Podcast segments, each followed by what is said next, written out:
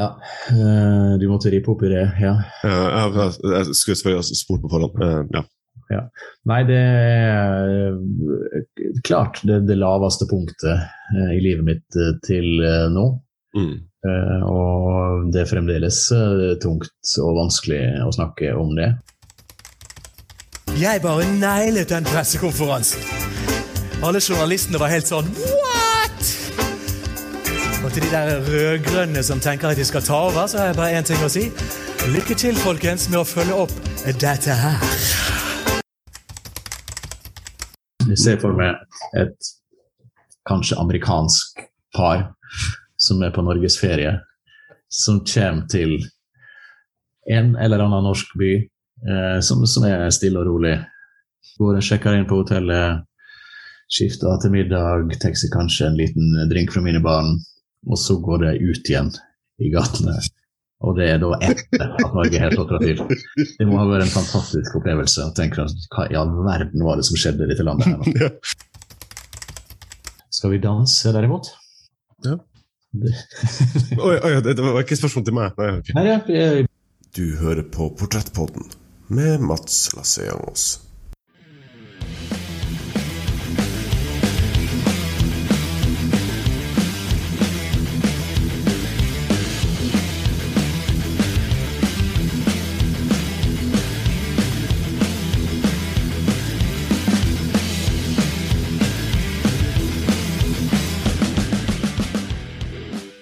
Det stemmer. Du hører på Portrettpodden, en podkast hvor jeg intervjuer mennesker som inspirerer meg, som får meg til å tenke, og som hjelper meg å forstå mer av verden jeg lever i.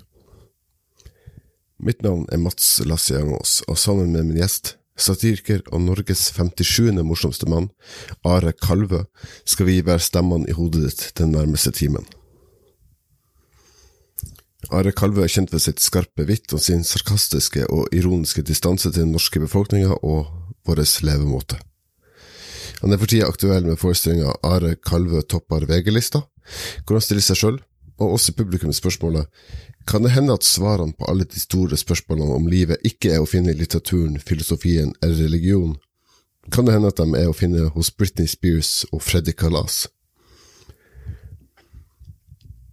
Jeg setter stor pris på at han tok seg tid i det som må være en hektisk periode til å være gjest i denne episoden av Portrettpodden.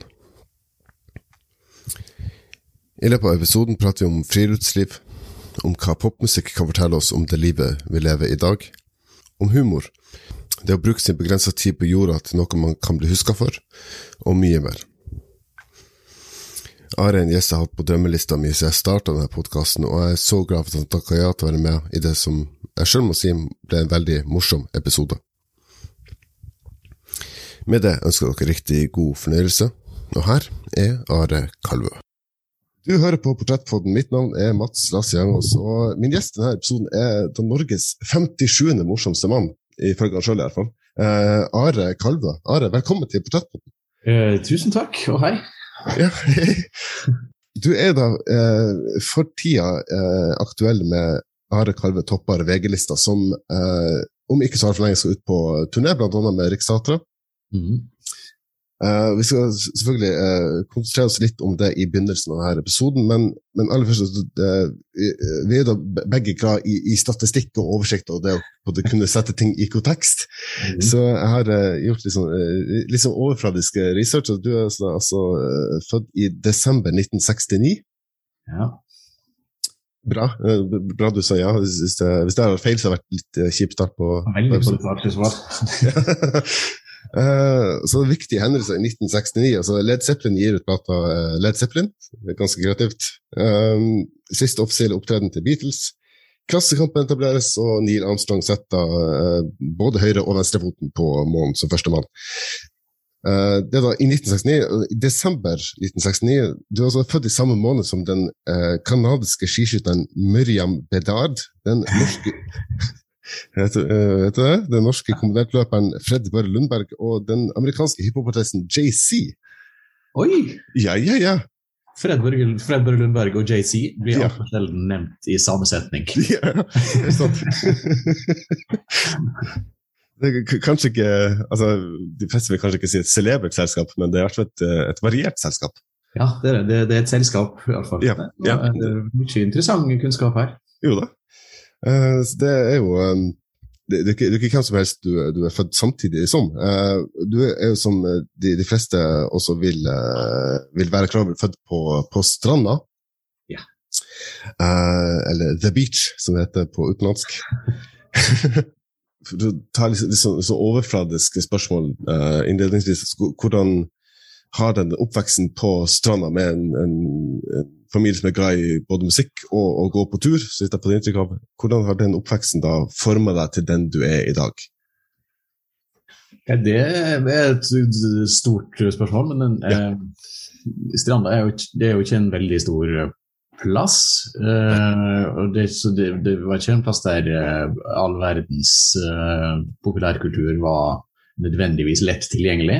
Eh, men det tror jeg jo gjorde at vi ble enda mer glad i popmusikken og alt det som kom fra resten av verden, fordi at det var du måtte jobbe litt for å, for å finne det eh, og få det. Eh, det har det helt sikkert gjort noe med. Og så tror jeg, jeg er nokså sikker på at eh, både humoren til foreldrene mine og sånn omgangstonen i den vennegjengen jeg vokste opp eh, i lag med, har- preget prega mitt eh, karrierevalg, hvis du kan kalle det det. For jeg dreiv veldig tidlig på med å sitte i kjøkkenvinduet til kompisen min og se ut på de ikke så veldig mange eh, som gikk forbi, men eh, de som gikk forbi, og kommentere dem eh, på mer eller mindre sarkastisk eh, vis. Og det kan en eh, på mange måter si at det er det jeg fremdeles driver med. Så den, eh, sarkastiske, ironiske avstand til den norske befolkninga, den, den kom tidlig. Den kom tidlig, eh, og den ble, den ble veldig dyrka eh, og oppfordra til både hjemme og i den vennegjengen, Mm. som, som fremdeles er gode venner. Det er jo den fineste. Ja, ja, ja. Det, det, det er ikke Altså, det, del av de, de vennene uh, har jeg forhåpentligvis ikke mista til naturen, og det er ikke alle. Nei, eh, dette her er venner som har klart å stå imot eh, friluftspresset mm. i veldig stor grad. Og Ja. vi er fem, eh, fem stykker, og eh, det er nok kanskje de fem eneste middelaldrende mennene i Norge som eh, ikke går i fjellet. Ja, det, det, altså det, det, for det første så er det veldig godt å ha, ha venner, men du måtte ha en sånn, sånn kjerne som, som vet å stå imot uh, presset fra majoriteten. Det er verdt å sette pris på. Det er jeg helt enig i. Ja. Uh, det, det, det er jo en, uh, vi er jo i- mindretall, vi som ikke liker å gå på tur, så vi må jo nesten bare holde sammen. Ja, men vi er, vi er flere enn uh, en skulle tro. Ja. Og det, det oppdaga jeg for at jeg sto fram eh, som Mm. friluftsskeptiker med, både bok og en forestilling om det, så, så møtte jeg jo mye folk som eh, hvis vi hadde samla oss, så hadde vi trengt et veldig veldig stort lokale. For da hadde vi sett, sett skremmende ut. Så vi er, vi er nok flere enn eh, en eh, skulle tro. Men det er jo i stor grad en taus gjeng. Dette er ikke noe som folk snakker høyt om. Nei. Før jeg bestemte meg for å gjøre det. Nå måtte noen si det. Ja. Det er mange mørketall der ute. Ja, jeg tror det. Ja.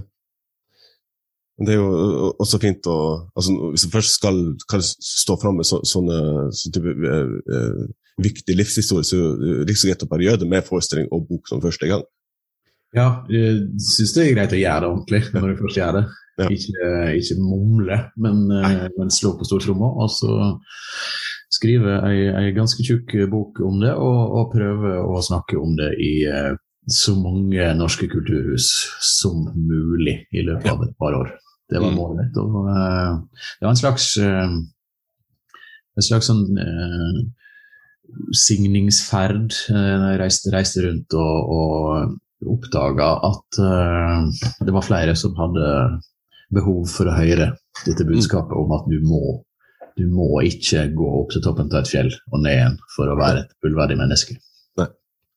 Um, så man, man, må heller ikke strekke hendene opp mot, mot himmelen for å føle seg uh, verdifull. Nei, det må du iallfall ikke gjøre. Men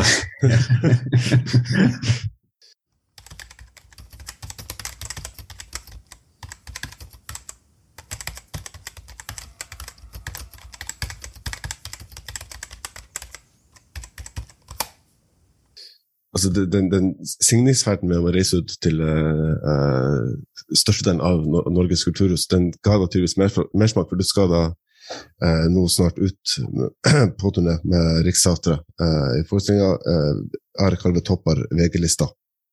Uh, og vi var innledningsvis inne på at Du kommer fra, fra, en familie som er veldig glad i musikk. Radioen sto på hele tida, har, har, jeg hørt i andre intervjuer. Uh, så Kort fortalt for dem som ikke har hatt muligheten, muligheten til å se forestillinga enda, eh, hva kan de forvente? Jeg kan eh, forvente eh, overraskende mye livsvisdom. Mm. Ting, ting, å ta med seg videre i livet.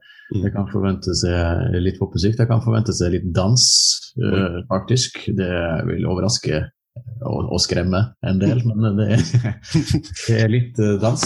Men først og fremst så er det jo det er en forestilling der jeg rett og slett prøver å finne svarene på alle de, de store spørsmålene om eh, både vår tid og om livet. Og jeg prøver å finne de svarene i, i, den popmusikken som folk har hørt på de siste 50 åra. Mm. Eh, og da, da, virkelig den musikken folk har hørt på. Eh, for at jeg, jeg bruker Jeg leter etter eh, livsvisdom i de aller aller mest populære sangene, altså sangene som har vært nummer én på hitlistene. Så det er, det, og der er det jo mye forskjellig og mye rart, men det er all veldig veldig populær popmusikk har jo de fleste av oss fått med oss, enten vi vil eller ikke, for den er overalt. Mm. Så, så, den setter i gang et eller annet i oss, og alle assosierer et eller annet med en kjent uh, sang. Og uh, det er akkurat det jeg gjør i denne forestillinga. Jeg bruker noen, noen, veldig populære sanger til å assosiere om livet. Så det er en forestilling som handler om nesten alt. Innom politikk, innom religion, innom eh, oppvekst og nostalgi, innom eh, sorg og krisehåndtering. Innom eh, veldig mange store og veldig mange små tema. Og alt dette her er det popmusikken som på en måte starter og setter i gang. Ja. Jeg så også på, på sesonglanseringa til Riksteatret. Det var en liten, liten smakebit fra, fra, en prøve på forestillinga.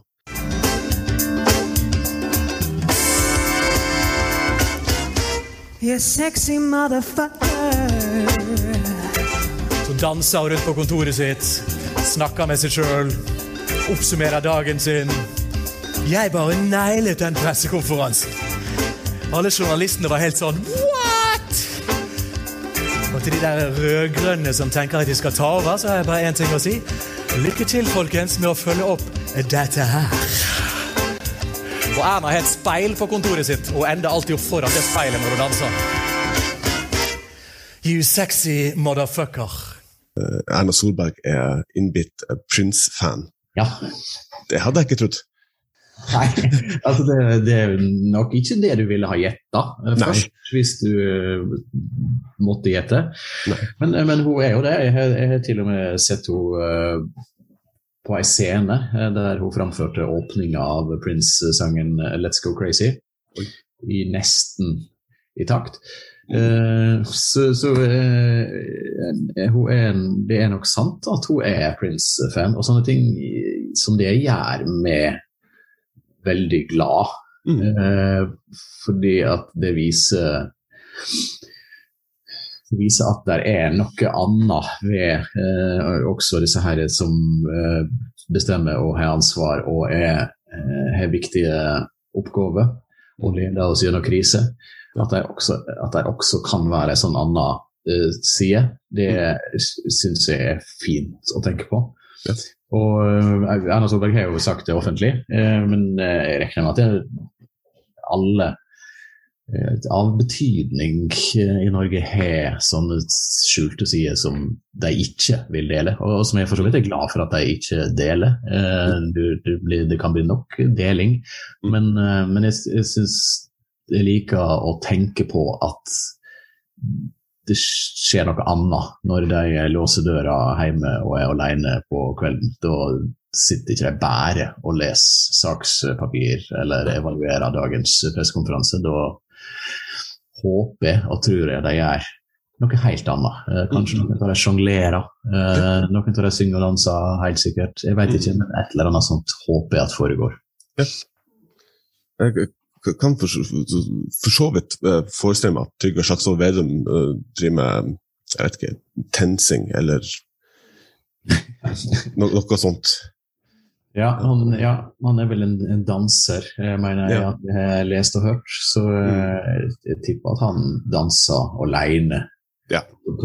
Kanskje ikke så mye akkurat nå for tida, men, men som vanligvis tror jeg han gjør det. Ja. En som forhåpentligvis ikke da, sier Jonas Gahr Støre. Jo, han gjør jo det. Det har vi jo, har vi jo fått dokumentert. Ja. Uh, og det er jo sånt som er veldig veldig flaut, men der har jeg endra litt holdning uh, med åra. Uh, jeg syns jo fremdeles det er flaut, men jeg, jeg kom til at det, det, egentlig er flauere å være han som sier nei, jeg, jeg, jeg skal ikke danse og drite meg ut for folket. Jeg skal, være, jeg skal være ordentlig og seriøs og kul. Det syns jeg egentlig er flauere. Så jeg har bestemt meg for å jobbe hardt med meg sjøl for å, å egentlig synes at det er greit og kanskje til og med litt fint at, at politikere som ikke kan danse, danser uh, når det er valgkamp. Jeg syns ja. uh, jeg, jeg, vil være positivt innstilt til det, men det, det sitter langt inne. Men jeg, jeg, jeg prøver. Ja. Det, det, jeg kan godt forstå at det sitter langt inne. Jeg har intervjua alt fra Frp-politikere til Arbeiderpartiet. altså det er også bare også viktig å, å fastslå med en gang det er greit å gjøre det i valgkampen. Eh, ellers ja. ja. Så hva de gjør når de er hjemme i sitt eget hjem, det har ikke jeg noe med, men sånn utad, offentlig, det, hold det til valgkampen. Ja. Det er, jo, så det er jo, mye livsvisdom i, i alle dine, dine, forestillinger og tekster og, og, og kåserier, men selvfølgelig også med den, den, den um, ironien, sarkasmen. Da. Men uh, uh, hvor, hvor, mye livsvisdom er det f.eks. hente i 'Hit Me Baby One More Time'? Uh, ganske mye. Ikke nødvendigvis i, i selve teksten, okay. men, men i Altså, dette, er, dette er en sang som har vært uh, den mest populære sangen uh, i flere verdensdeler samtidig. Uh, jeg tenker at det er Hvis ikke den sangen Hvis ikke det sier et eller annet om uh, iallfall verden akkurat da, så, så, så, vil det være veldig, veldig rart. Uh, og det den sangen har, det er at den har jo en sånn evne til å, å avslutte enhver samtale hvis du er på fest, eh, hvis du er i et middagsselskap eh, eller hva som helst, og den sangen blir sett på ganske høyt, mm. så vil halvparten eh, reise seg og begynne å danse. Mer eller mindre frivillig. Det bare skjer. Det er en, sånn, en av de sangene som, som det finnes noen av som, som, folk reagerer sånn helt instinktivt på, og avbryter den samtalen du sitter i. Mm. Og det sier jo noe om at den, den treffer et eller annet sånn, sånn, grunnleggende. For det er en sang du kan finne på å danse til selv om du hater han. Og du ja. kan ta deg selv i å synge på han selv om du vil påstå at du hater han når, når du blir spurt direkte om det. Og det betyr jo at det, det, at det finnes ting som, som treffer oss eh, selv om vi egentlig ikke vil det. Og så er det jo interessant at det er en svenske som har skrevet den. Ja. Mm, det, ja. Ja. Skremmende, men interessant. Jo da. Vi har uh, mye å takke Sverige for. Ja, vi har det. Ja. Angivelig, må, må legge, legge til. uh, det er jo, altså, bare for å ha også sagt det, så Brorparten av mitt publikum er vel kanskje i Tromsø, og da er det vel på sin plass å nevne at uh, Are Karve Toppe Vegreser kommer til Tromsø kulturhus 21.11. i år. Så uh, da vet dere det. Fortsatt ledig billett, altså kjør, kjør, kjør, på. Um, det er litt sånn, kanskje opplagt spørsmål, da, men uh, nå som Norge er på, på tur å rusle ut av, ut av pandemien, hvordan, hvordan, er da følelsen å igjen kunne stå foran et uh, betalende publikum og, og, kjøre show? Det er uh, overraskende hvor fint det er. Og og hvor, sånn, hvor lite kravstor vi har blitt i løpet av denne pandemien. For at jeg husker at uh, denne forestillinga skulle jo egentlig hatt premiere i februar. Mm. Så ble det utsatt til mars, og så ble det utsatt til april, og så bestemte vi oss for at da kan vi like gjerne bare vente til høsten. Ja. Uh, så, så, da gjorde vi det. Så vi har, vært klar flere ganger, men, men, alt har foregått i en uh, prøvesal eller i en, en tom, tom sal. Mm. Uh, og så uh, i juni så ble det plutselig uh, tillatt med 20 stykker, tror jeg det var, i, i, salen. Så da hadde vi en sånn gjennomgang av forestillinga med 20 stykker i salen, og bare det syns jeg var helt fantastisk. Mm. altså, da, da forsto jeg hvor, hvor mye jeg savna det, og hvor, mm og at jeg, jeg, jeg, trenger ikke å vente til, til, det blir lov med stappfull sal og det er 1000 mennesker i de største kulturhusene. Jeg, kan, vi kan godt spille for iallfall 50. Nå kan vi vel nå kan vi spille for mer enn det med, men jeg syns det, det, å se 20 stykker i salen og høre lyden av 20 stykker i salen, det var stort nok for meg. Ja, Ja. Så jeg hadde nok eh, Jeg var ikke klar over at jeg hadde savna det såpass. Nei. Så det er veldig fint å være i gang igjen, og veldig fint at folk uh, uh, kommer og tør å, å, gå ut. Det, det var jeg heller ikke jeg sikker på om kommer til å skje med en gang. Uh, og det skjer vel litt gradvis, men det ser ut til at folk uh, syns det er hyggelig å trygt å, å, gå ut og gå på forestillinger og etter hvert konserter igjen. Du hører på Portrettpodden med Mats Lasseangos.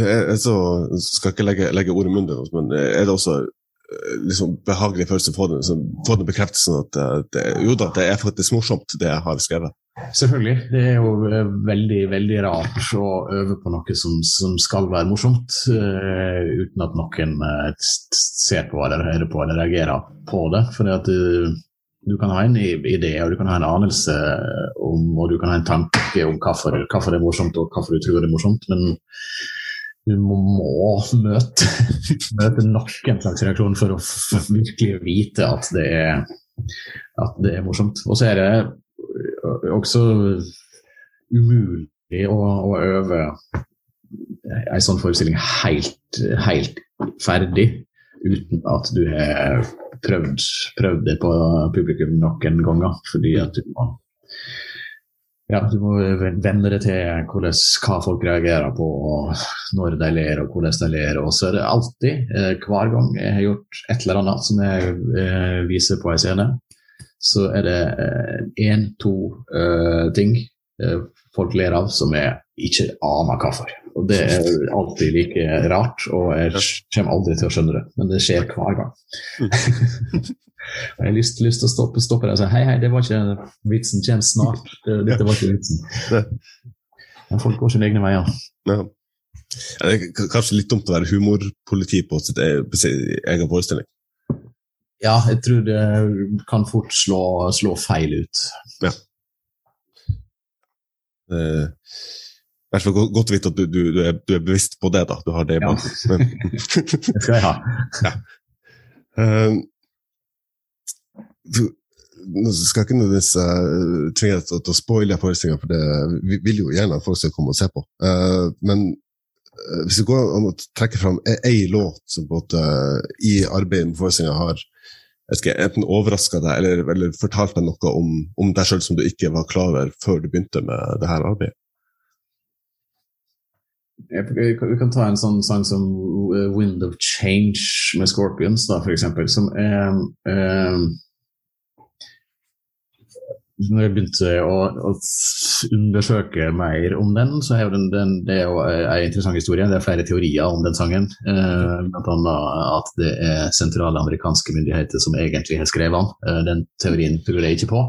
Men eh, det er en sang, sang om, eh, om uh, murens fall og det, det gjenforente Europa. Uh, og uh, jeg var ikke klar over hvor uh, stor den sangen var. Det er rett og slett en av de mest solgte singlene noensinne. Mm. Uh, og en sånn inderlig og ektefølt og ærlig meint sang om det som foregikk akkurat da. full av, av klisjeer om morgendagens barn og, og, og kjenne forandringas vind, og at snart er vi alle søsken og alt sånt. Og at jeg er litt overraska over uh, hvor glad jeg blir, og hvor fint jeg syns det er at uh, en gang i en kort periode har folk tatt dette her helt på alvor uh, og syns at det, det, er, det, er, fint. Mm. For det som kunne ha skjedd da, var jo fint. Det var jo fint at folk møttes og murer fall. og så, så, går jo historien aldri i så tvers gjennom rosenrød retning, som sånne sanger håper. Men jeg, synes, jeg var overraska over hvor fint og bortimot rørende jeg syns det er eh, at en gang i en kort periode så har vi trodd på dette og tatt det på alvor og håpt at dette skal være sant. Det syns jeg er det synes jeg er fint. Og sånne, sånne popsanger fins det jo en del av, for det blir jo laga popsanger om store eh, historiske hendelser når de skjer, alltid. Og de, de sangene er, er, ærlig meint og blir tatt alvorlig akkurat da. Mm. Og så ler vi av dem eh, ganske kort tid etterpå. Men det er noe fint med dette her øyeblikket der verden faktisk tror på dette eh, litt naive, men eh, godt tenkte denne drømmen om eh, at snart er vi alle søsken. Det kommer neppe til å skje en dag, men det er fint at vi ikke slutter å drømme. Det, det, er jo mye av det samme temaet som går igjen i ja, Lillebjørn Nilsen, men det gjør det sterkere inntrykk at det er på engelsk, da, f.eks. Ja, det, ja, ja, internasjonalt så gjør det jo helt sikkert det.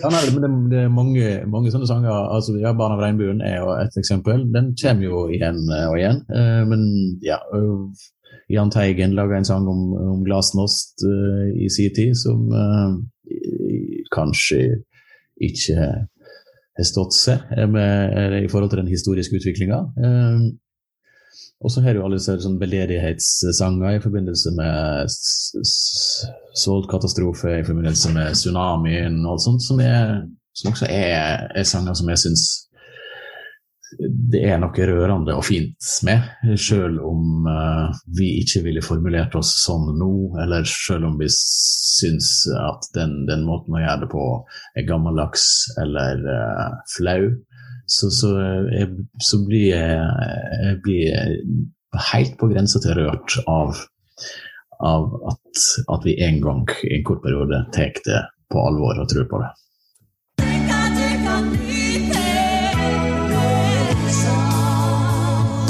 Ja, tenk at det kan nytte med én en enkel sang. All sult blir stilt, og naturkatastrofene bier i møte med Jan Eggum og Viggo Sandvik i duett. Du faller, jeg ser at du faller.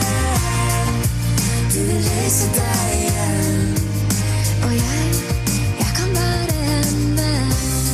Det er fint det, Bertine. Godt å høre.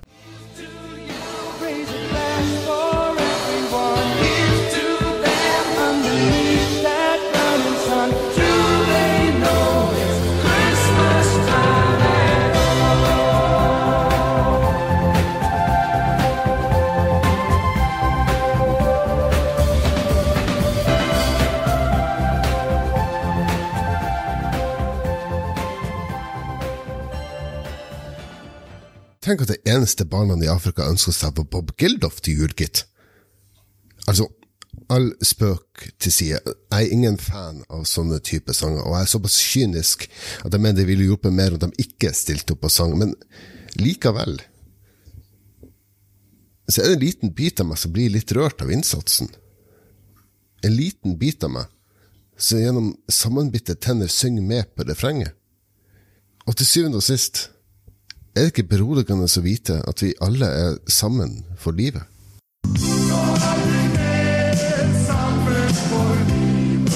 Kom igjen, folkens. Syng med. Så kan det skjære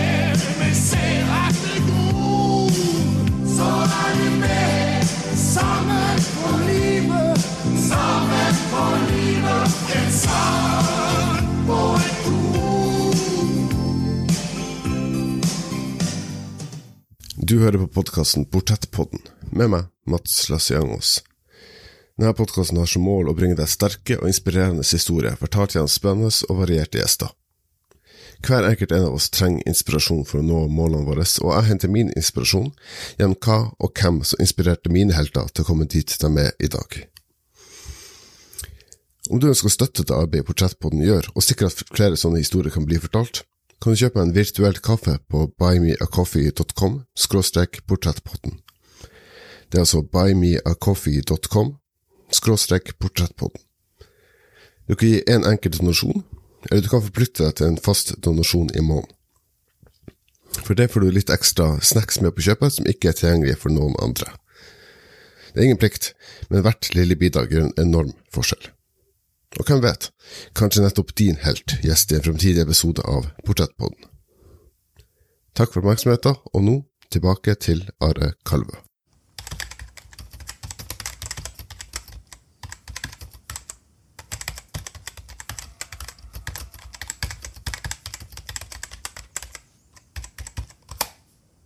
Skal holde oss, altså, Jeg har lyst til å skjeppe tak i, i musikk enda. Vi skal prøve å begynne å bevege oss litt inn i, i andre tema. Altså, eh, det er noe som jeg har lurt på i ma mange år, som jeg eh, da eh, endelig har mulighet til å spørre deg om. Eh, Du har da skrevet opera om en fotballkamp mellom Norge og Brasil. Ja. Det er noe av det rareste jeg har gjort, men ja, jeg har gjort det. Ja, Ja. Jeg skal ikke nødvendigvis eh, spørre om hvorfor, men eh, det ville vært et dumt spørsmål. Men, men jeg har en slags teori Are, om at dette er en, en pervers drøm du har hatt om å, bare, om å få eh, Kjetil Rekdal til å synge. Ja, altså Jeg har ikke hatt den drømmen sånn uh, uavhengig av dette her, men når eh, jeg hadde begynt å skrive denne operaen, da innså jeg jo hvor god den ideen var. Blant annet fordi at nå kan jeg forstå Jeg kan legge ord i munnen på Kjetil Rekdal, jeg kan forstå Kjetil Rekdal danse og synge, og sånne, sånne ting er jo, er jo fantastisk å, å ha makt til å gjøre, som du kan når du skriver teater. Og det kommer jo ikke til å skje i virkeligheten. Du får jo ikke se det eh, i, i det virkelige liv, så da må du egentlig bare skrive det sjøl. og eh, sånn, både synger og danser i den forestillinga, og Kjetil Rekdal, originalen, har har sett forestillinga. Så ja. Det var ikke, det var ikke, jeg det var, det var ikke helt slik det foregikk. Så. Nei, det vet jeg. Nei. Eh, Det er gjerne den reaksjonen man får når man går inn i eh, og forventer å få en dokumentar. Så. Ja, da blir du iallfall overraska. Ja. Mm. Mm. Det er jo så mye Jeg skal ikke gå altfor teknisk inn i det her, så jeg skal ikke bli helt nerd, men, men så hvordan slett, hvordan skriver man operatekster som da skal fremføres med snusleppe? Men altså, alt kan synges med snusleppe, men altså det, det gjør jo noe med lyden av ei stemme, selvfølgelig. Og noen bokstaver, f.eks. bokstaven V, Mm. er jo litt vanskeligere å si med snusleppe. Så sånne, sånne, men det er jo det syns jeg jo bare er en, eh, en positiv ting. Det, det gir noe, mer enn at det tar noe for, for meg som skal skrive. Mm. Uh, og så, i, det, I det hele tatt så, så var det veldig morsomt å skrive opera, for at det var eh, sånn jeg, det, jeg kan jo veldig lite om opera, eh, men eh, jeg hadde jo med en, han som skrev musikken, kan jo mye. Eh, så han eh, sto jo for den faglige tyngden her, og mens jeg bare benytta anledninga til å bare kaste alle grenser og, og bare eh, skrive det jeg hadde lyst til å, å se. Og så tenkte jeg det, så, så må det bli opp til de som skal uh, lage en forestilling ut av dette her og finne ut hvordan det skal skje. Så jeg uh, kan skrive sånn som uh, ballen blir sparka opp på fjerde rad og lander i armene til en ganske pen franskmann, og så begynner ballen å synge. Sånne ting kan jeg skrive, f.eks. Så må noen andre finne ut hvordan du skal gjøre det i praksis. Men det fikk det til. det, det er vel sånn altså, Sånn type eksempel er det sånn aktiv ansvarsfraskrivelse. Ja, men det er absolutt det som er mest gøy med å skrive teater som du ikke skal framføre sjøl. Det, det er en aktiv ansvarsfraskrivelse. Og de som skal eh, gjøre forestilling ut av det, syns som regel at sånt er morsomt. Og, og bedre enn å få en sånn detaljert beskrivelse av sånn skal det være og sånn skal det gjøres. Eh, Men i stedet få en sånn oppgave som, som må løses på en eller annen måte. For det skal jo ikke det skal jo ikke være dokumentar, som du sier. Det skal jo uh, være teater. Mm. I hvert fall godt å vise at man kan gå og se en op- opera, eller, eller CBA mot man kan gå og se en fotballkamp og vite at Norge kommer til å vinne. Ja, det er, men altså igjen, du, du kan jo aldri være helt sikker, for at altså, det skjer mye, mye rart eh, på teater. Men eh, jo, i dette tilfellet nå går jo ikke den uh, forestillinga lenger, så nå kan jeg avsløre at ja, Norge vinner også i denne versjonen, også i operaversjonen. Ok. Vite. Det, det er jo eh, skal kunne ta, ta hele den historien, det, det har vi dessverre ikke tid til i dag. Men, uh, men det er jo et fenomen som gjør at til og med Dag Solstad bryter ut i gledesjubel. Uh, så når man først skal, skrive en opera, så er det, så er det jo uh, greit å starte på toppen, tenker jeg.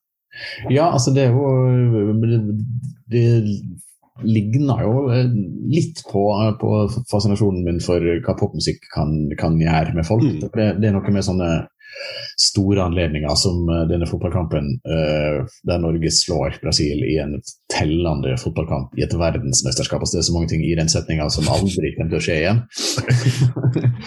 og uh, som, som gjør et eller annet med altså Arne Skeie, verdens eh, mest uh, korrekte uh, nerd, uh, begynner plutselig å rote med språket. Uh, bytter om ord og, og ja. Mm. Og sånne ting skjer jo ellers aldri. Og Dag Solstad kjører tydeligvis gjennom et fransk bysentrum og, og, og med vinduene nede og roper 'Vive la Norvège'. og Sånne ting skjer heller ikke så ofte. Og folk som, som ikke kan klatre, klatrer opp i lyktestolper i, i sentrum i norske byer. Sånne ting er, er fascinerer meg veldig. Og jeg, jeg, en ting jeg har tenkt på, og jeg, og jeg håper de fins. Jeg ser for meg et kanskje amerikansk par som er på norgesferie, som kommer til en eller annen norsk by eh, som, som er stille og rolig. Altså på da ettermiddagstid den dagen Norge møter Brasil. Mm. Går og sjekker inn på hotellet, skifter til middag, seg kanskje en liten drink fra minibarn, og så går det ut igjen i gatene. Og det er da etter at Norge har slått til. Det må ha vært en fantastisk opplevelse. å tenke Hva i all verden var det som skjedde i dette landet? her nå?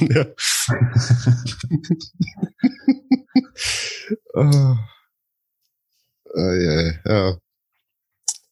Jeg var syv år da Norge slo Brasil. Det, eneste jeg husker, var at eh, faren min ble, ble veldig rørt og begynte å gråte. Ja, ikke sant? Det, jeg, skjønner, altså jeg skjønte ikke hvorfor nå, men, da, men, men, men nå som jeg er blitt, eh, blitt voksen, så, så har jeg full forståelse for, for viktigheten av det øyeblikket. Ja, det, det, det er bra. Det bør du ha. Ja. Yeah. I hvert fall noe jeg har fått, fått med meg i voksen alder som eh, kan brukes til noe. ja, det er godt å høre. Ja. Mm.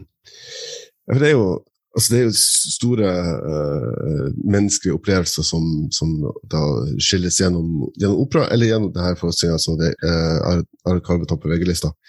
Men det er jo så, så egentlig bare fint å tenke på at man kan samle sånne øyeblikk da, og bevare dem for ettertiden. For vi, vi er jo da begge Are, i, i den alderen hvor man egentlig bare skal dytte en sofa fram og tilbake og brenne en kylling og legge platting. Så det, det er jo fint at, at, du tar deg tid til å dokumentere sånne ting. Ja, eh, kanskje det er en slags livsoppgave for meg nå, slik at jeg skal Mm. Det er jo viktig at jeg har et eller annet å foreta meg eh, sånn at jeg ikke forfeller til friluftsliv og oppussing. Mm. Ja. Det, så jeg skal fortsette med, med å dokumentere de, de, store øyeblikkene som kan få voksne mennesker til, til å grine i, i stuene sine. Det, det, er et, et fint mål uh, Ja. å ha. Ja.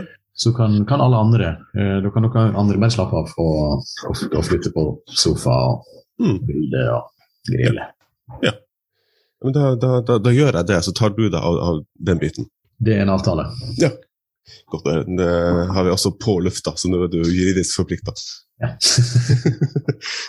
altså, apropos det å dytte, en sofa og tilbake, det er jo da noe grådig har stjålet fra en av de andre forestillingene, som Mi, Mi Bragd. Uh, man har jo ikke så veldig mye, mye tid på, på jorda, egentlig. Uh, og det man heller kan bruke tida til noe uh, godt noe produktivt. Eh, og da tenker jeg spesielt på, på ei, låt som du oversatte da, til det forestillingen, 'Ha meg i tankene ei stund'.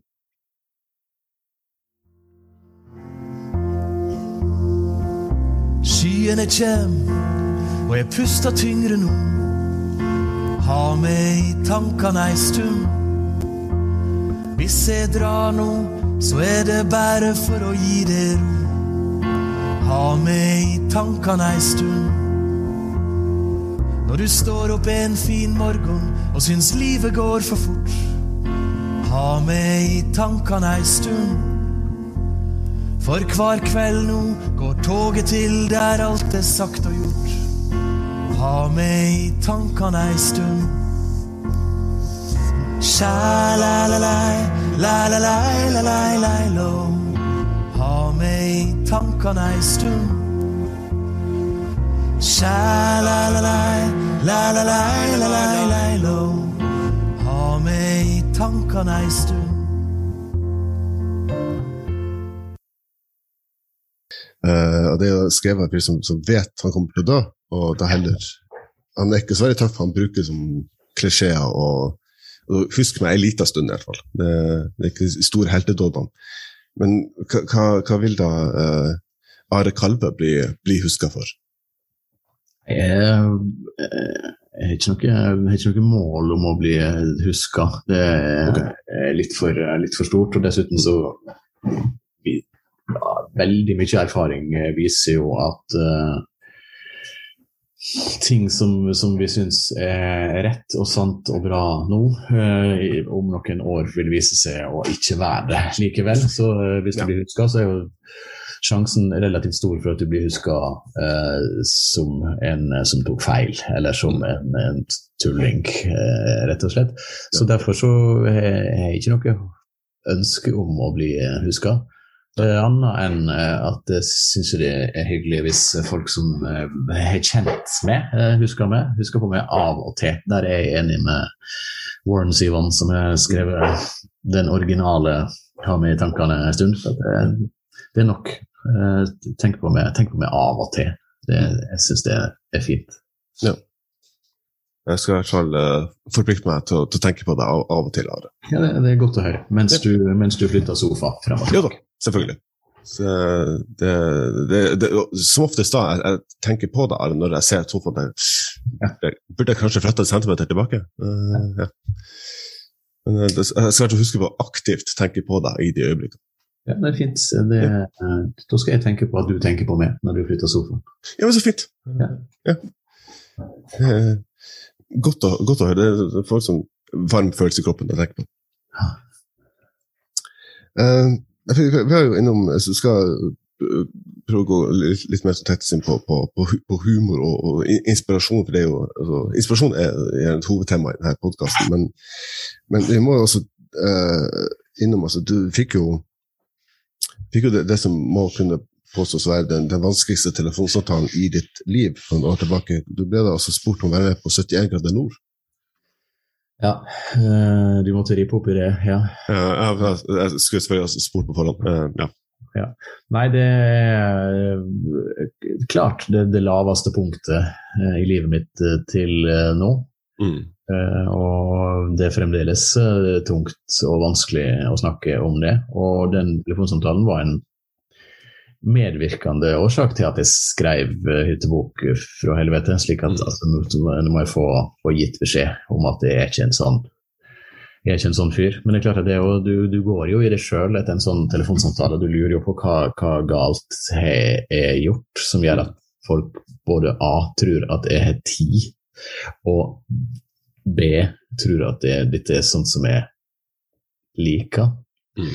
Uh, og da, da tenker jeg, da, er- da, I noen dager her så tenkte jeg at når, når alt jeg har gjort, har vært uh, til ingen nytte. Uh, Ja. Hvis, hvis det, dette her kan skje.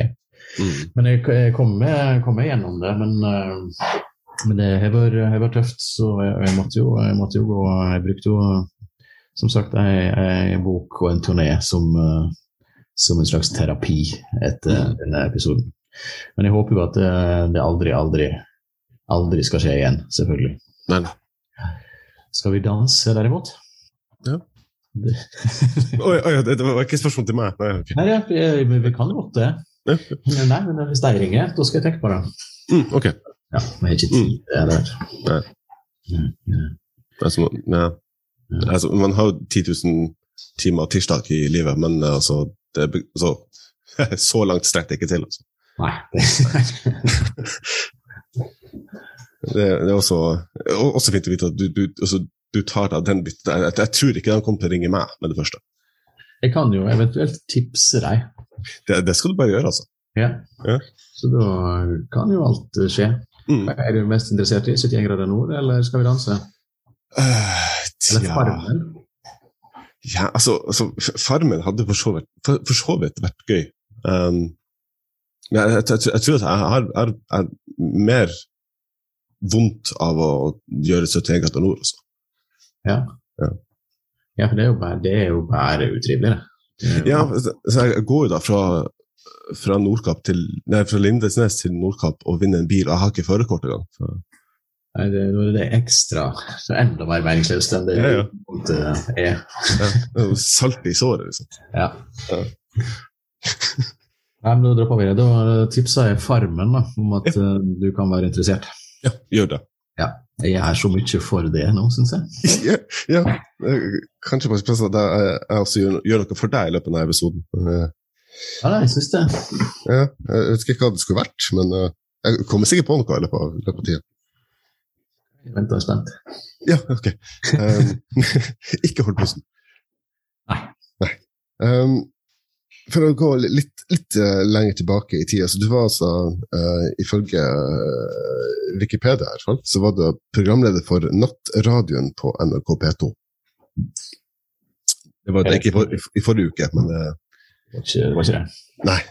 Uh, men da er da mitt spørsmål altså Når man har så, et såpass viktig opp, altså samfunnsoppdrag da, på sine skuldre, så er, er man nødt til å ha en sans for humor da? Ja, Mm. det er absolutt en fordel. Ja. Eh, fordi at du er jo eh, Og det var djupt, djupt uansvarlig, men vi som var programledere for Nattradioen den gangen Dette her var jo på et, et ekstremt tidlig 90-tall. Mm. Da, da var det jo rett og slett vi som var på jobb i Norsk Rikskringkasting. Det var en, en programleder og en eh, lydtekniker. Så var det én person som uh, leste nyhetene en gang i timen. Jeg tror ikke det var en gang i timen heller. Uh, men det var, det, det var Og da, da var det jo opp til oss, da. Hvis det skjedde noe stort og dramatisk og uventa, så var det jo vi som måtte takle det. Så du må ha mer enn bare humor. Du må ha en viss, en viss eh, improvisasjonsevne og en viss evne til å, til å snakke om eh, plutselig snakke om ting du ikke hadde trodd du skulle snakke om. Det mest skremmende med å være eh, programleder i eh, Nattradioen på den tida, var jo at det, det lå klar i ei hylle eh, inne i studio, så lå det klar sånn eh, band, for det var jo før eh, dette ble digitalt. Det lå et band der det sto navn på eh, kjente nordmenn, medlem medlemmer av regjeringa, medlemmer av kongefamilien. Så, som det var band de skulle sette på i tilfelle det plutselig kom en nyhet om at eh, vedkommende person eh, er død. Mm. Var, og jeg hadde, jeg hadde veldig lyst til å høre på en del. Ja. Men tanken på at noen har sittet og, og, og, og laga en uh, veldig alvorlig, med alvorlig stemme sannsynligvis, og snakka om at denne den uh, gikk bort uh, i går, og så er jo vedkommende fremdeles samferdselsminister, eller et eller annet.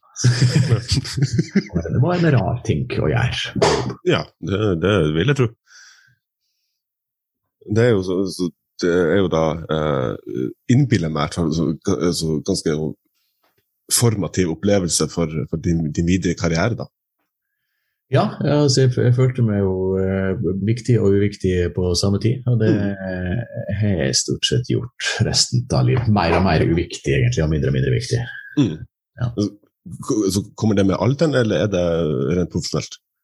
Jeg, jeg, jeg tror det kommer med alderen. eh, For mm. med mitt vedkommende iallfall så er det mindre og mindre viktig å være viktig, eh, og mindre og mindre viktig å bli huska og alt dette her. Eh, Mm. Og mer og mer viktig å ha fri og ha det gøy. Ja, ja. det, det er ikke den verste innstillinga, det, da. Nei, jeg syns ikke det. Nei. Ja, altså, hvis, hvis alle kan leve opp til, til gravsteinen 'han var helt ok', så er jo det ikke det verste. Nei, det må være, det må være, det må være bra nok, eh, bokstavelig talt. Ja. ja det, det her er for så vidt også Det skal ikke bli for mye, det er forhåpentligvis lenge til eh, begge av oss trenger å tenke på det. Men eh, jeg har i hvert fall eh, funnet ut at på min gravstein skal stå at ja, rett for rett. det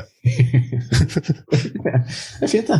Ja. Ja, det, er lite, det er for lite humor på gravsteina. Ja, det er jo det. Ja. Eh, så fint det i gamle dager sto som, som, som dagligvarehandel, handler, altså, byrådsleder, og nå står det ingenting. Nei, altså det er, det, nå skifter jo folk jobb mye oftere. Så, De så gjør det. Du hadde jo gravsteinen sett ut som en CV hvis du skulle ha yrkestittel på. Ja, det er sant. Ja. Godt poeng.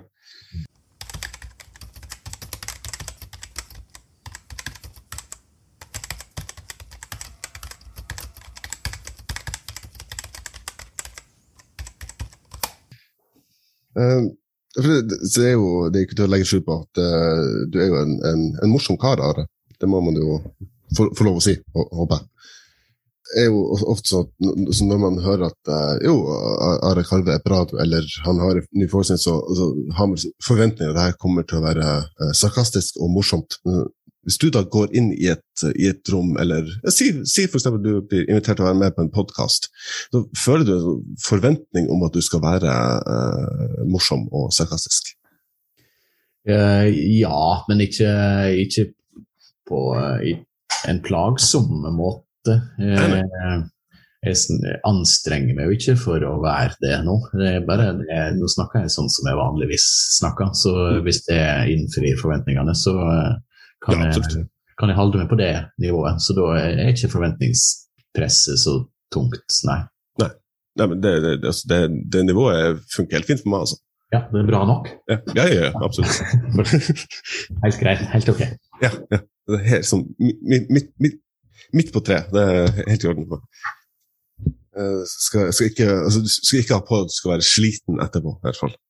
Nei, det er godt. Eh, Det, det, ligger ikke an til at jeg skal bli sliten av dette her. Nei, men da, da har jeg forstått at jeg har også gjort en, en, en god jobb hittil. Veldig bra. Godt, godt å høre. Um, Uh, tida går veldig fort når man, uh, når man har det uh, gøy, i hvert fall en av oss.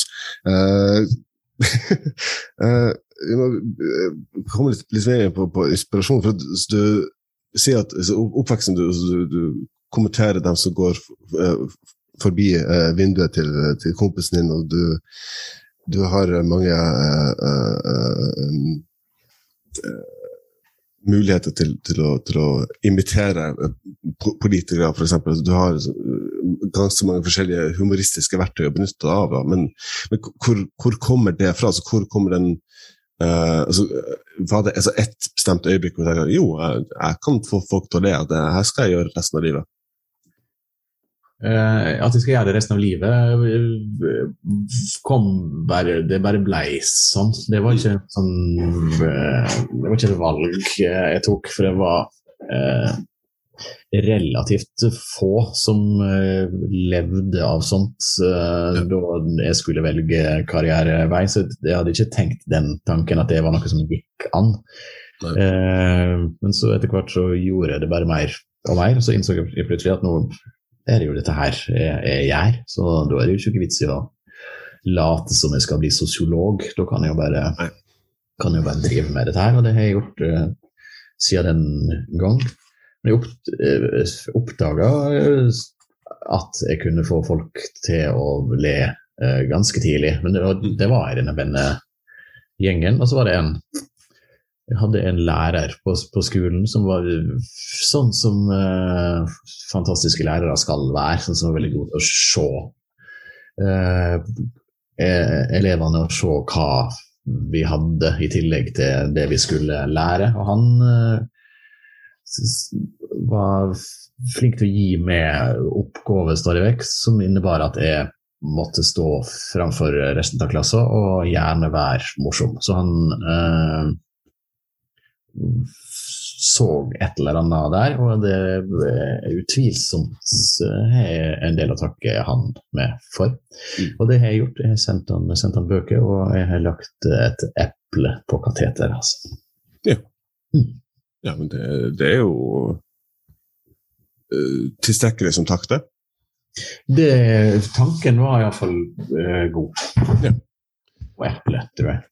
Ja, Så lenge intensjonen er god, så er jo det det viktigste, vil jeg si. Du har også eh, mye med, med Espen Branne Korm, så hva, er det viktigste du har lært av han? Um, at um, jeg, har- jeg, du, jeg har lært en del eh, sånn ordentlighet. Han er jo eh, en sånn uh, veldig uvanlig kombinasjon av, uh, av talent. Han er jo eh, kreativ og spiller eh, tusen instrument og kan tusen stemmer og eh, finner på veldig mye eh, som jeg ikke helt skjønner hva jeg kommer fra oppi et rart haug. Samtidig som han er eh, det mest sånn ryddige og systematiske og ordentlige mennesket jeg kan tenke meg. Eh, og, og den kombinasjonen er ikke dum, Uh, fordi at uh, det, er, det er en stor fordel å ha et system i, i innfallene. Eh, Så det har jeg absolutt lært av han. Så skulle jeg ønske jeg hadde lært mye mer, for jeg skulle ønske jeg kunne spille like mange instrument eh, som han, f.eks. Men det, det kan jeg ikke. Og så har han eh, en ting han bruker å si når vi driver og eh, planlegger et eller annet som vi skal gjøre eh, i lag. Så sier han ja, nå må vi ikke glemme at dette skal jo være moro for oss. Ja. Det jeg også syns er er fint å å huske på. Ikke fordi at det bare skal være morsomt for oss, men fordi at vi ikke skal tro at vi er mer avansert enn eh, de vi snakker til. Eh, slik at hvis, hvis vi syns det er morsomt, så er vi såpass gjennomsnittlige at det sannsynligvis også er noen andre som uh, syns det. Mm. Det er en, fin og sympatisk innstilling til det. Ja, det er jo det er også eh, altså Utover det så er det også viktig å ha det, ha det gøy på jobb. Ja, Visst er det det. Eh, du- Du tilbringer jo tross alt en del tid med å jobbe, så, Ja. Så da er det fint hvis det ikke er et sant helvete. Uh, hittil så ser det ut som du har hatt det uh, veldig gøy i de prosjektene som, som jeg har sett. da.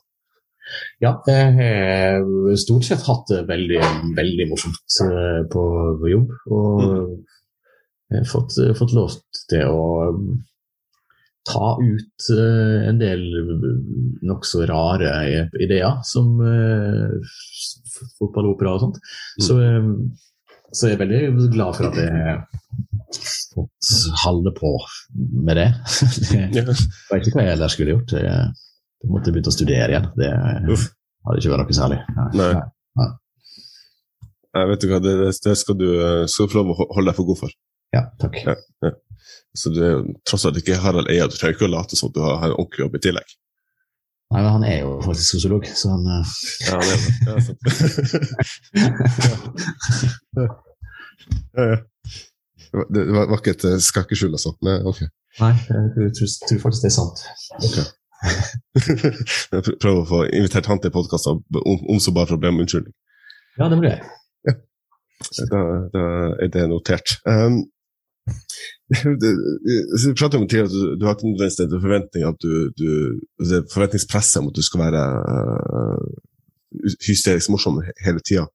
Uh, men, men føler du sjøl noe på så trang at altså, jeg, jeg skulle ønske at uh, jeg var om så bare én dag var seriøs kunstner, så en slags sånn, sånn sunnmørsk miks av Dag Solstad og Karl Ove Knausgård.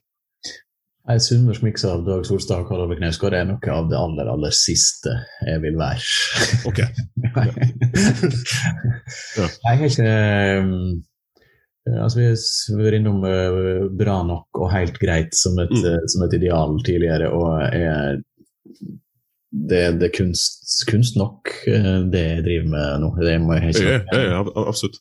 Så jeg har ikke Nei, jeg har ingen, uh, ingen ambisjoner om eller ønske om å bli tatt uh, Jeg, syns jo jeg blir tatt veldig, veldig alvorlig. Mye mer alvorlig enn jeg fortjener, som regel. Uh, Og det er mer alvorlig enn det. Jeg har ikke noe lyst til å bli tatt, så jeg skal Det er ingen fare for at jeg plutselig skal bli seriøs og sjølutleverende, Mm. tror jeg.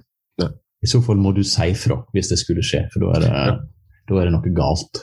Ok, ja. Det, det, det skal jeg absolutt gjøre, Du, i hvert fall eh, for å eh, berolige deg. Du har ikke vært verken alvorlig eller selv- selvutleverende i denne episoden. av Ja, det, det gleder jeg meg å høre. det, tenkte at vi, Når vi først skal eh, når vi først har noe som er villig til å bruke én time av, av hele livet sitt på å snakke med oss, kan du i hvert fall prøve å, å ha litt, litt, litt koselig samtale. Det er det Bortsett fra sånn friluftsliv og sånn. Beklager fortsatt, jeg tok deg på senga med det, Også, men eh, Ja, det var, det var ufint, men jeg kommer til over det nå. Ok, Det, det er bra. Eh, ja, jeg håper jeg får uh, komme opp til Tromsø i, i eh, anledning forestilling, så jeg kan få bedre unnskyldning i, i person også. Ja, det ser jeg, det ser jeg fram til. Ja, da, har vi en sånn halvavtale på det. Ja, så bra. Eh, avslutningsvis, før jeg lar deg gå, du har jo tross alt viktigere ting å gjøre enn å prate med meg. Um, uh, tja, uh, går jeg ut ifra i hvert fall, det må jo være opp til deg. Men hva, hva er det Hva er det du ser mest fram til som et, et neste prosjekt? Altså, hvordan hvordan uh, hvordan tvinger du tvinger du deg selv i hermetegn til å uh, bli inspirert til nye prosjekter? Uh, tidsfrist er absolutt det som funker best. Jeg har mange ideer og mange ting jeg har lyst til å skrive om. eh, men det blir ikke noe av før jeg har en konkret dato da Nei. eh, noe skal ha premiere, eller noe skal sendes til trykkeriet, eller noe sånt. Så jeg er helt eh, avhengig av den fristen for å få omsatt ideer i handling. Mm. Så det for meg er ikke inspirasjon så mye mer mystisk eh, enn det. Hvis du er opptatt av ting og har ting du har lyst til å skrive om, så trenger du en grunn til å få skrevet det. Og den grunnen er at du vet at hvis du blir ferdig innen den datoen, så eh, er det noen som venter på å se det eller lese det. Mm. Det er det som skal til for meg. Når en premieredato stadig blir forskjøvet, så hva, hva gjør det med deg eh, fysisk og psykisk? Eh, ikke mer enn at det, det, det er irriterende, eh, selvfølgelig. Og du, eh, at jeg har lyst til å komme i gang. Fordi eh, Vi, vi syns jo at vi var klar i februar, og så blir det plutselig august. Så, så er det klart at det er litt sånn irriterende å måtte starte på nytt mange ganger. Men er ikke verre enn det. Altså, jeg, jeg kan, kan leve med det. Det er ikke det er ikke det verste denne pandemien har ført med seg, at, at jeg måtte utsette en premiere litt. Nei, det, det, det, det kan man for så vidt leve med. Og det er som man sier, når man venter på noe godt, så venter man ikke forgjeves. Det Så godt sagt, det. Ja. er Dessverre ikke jeg, jeg som har sagt det, men eh, det er godt å ha det sagt, i hvert fall. Jeg trodde det var du. Ja, nei, ja, Ja, ok. ok. Ja, så teknisk så har jeg jo nettopp sagt Ja, ja, ok. ja. Mm. Vi, ja, legg den ballen død. Um, til, til de som, eh, som hører på, det er bare å kjenne sin besøkelsestid og finne et kulturhus, eh, kulturhus som noenlunde i nærheten av deg, og se Are Kalve topper VG-lista når han kommer til ditt nærområde, som f.eks. i Tromsø 21. november. Uh, Are Kalve, det har vært en, en sann eh, glede å, å ha deg med som, som gjest i denne podkasten. Det har vært utrolig hyggelig. Jeg håper det var noenlunde gjensidig for, for din del. Jeg syns det var veldig hyggelig. Ja, men så fint. Ja, det uh. ja, Så fint. Da skal du få lov å uh, konsentrere deg om forestillingen. Da sier jeg egentlig bare tusen takk for at du uh, tok deg tid til å være med. Sjøl tusen takk, det var veldig hyggelig. Du har hørt på en episode av Portrettpodden med meg, Mats Lasse-Jangås. Og min gjest i denne episoden var selveste Are Kalvø. Min takk til Are for at han tok seg tid i en hektisk periode til å være gjest i denne episoden. Har du gjort deg noen tanker mens du har hørt på? Har du ris eller ros eller tips du ønsker å komme med, så kan du rette deg til Portrettpodden sine Facebook-sider, eller på e-post til portrettpodden at gmail.com. Du kan også finne Portrettpodden på Instagram, på Twitter og nå også på YouTube. Husk at du kan støtte Portrettpodden på buymeacoffee.com portrettpodden. Lydklipp fra prøven på Are Kalvø topper VG-lista er brukt med tillatelse fra Riksteatret. Alle andre lydklipp i denne episoden er benytta i henhold til sitatrett. Portrettpodden arbeider i henhold til Vær varsom-plakatens regler for god presseskikk. Tips meg gjerne om fremtidige gjester du ønsker å høre i denne podkasten. Og om du likte episoden, tips gjerne en venn eller to. Takk for at nettopp du hørte på. Og vi høres snart igjen.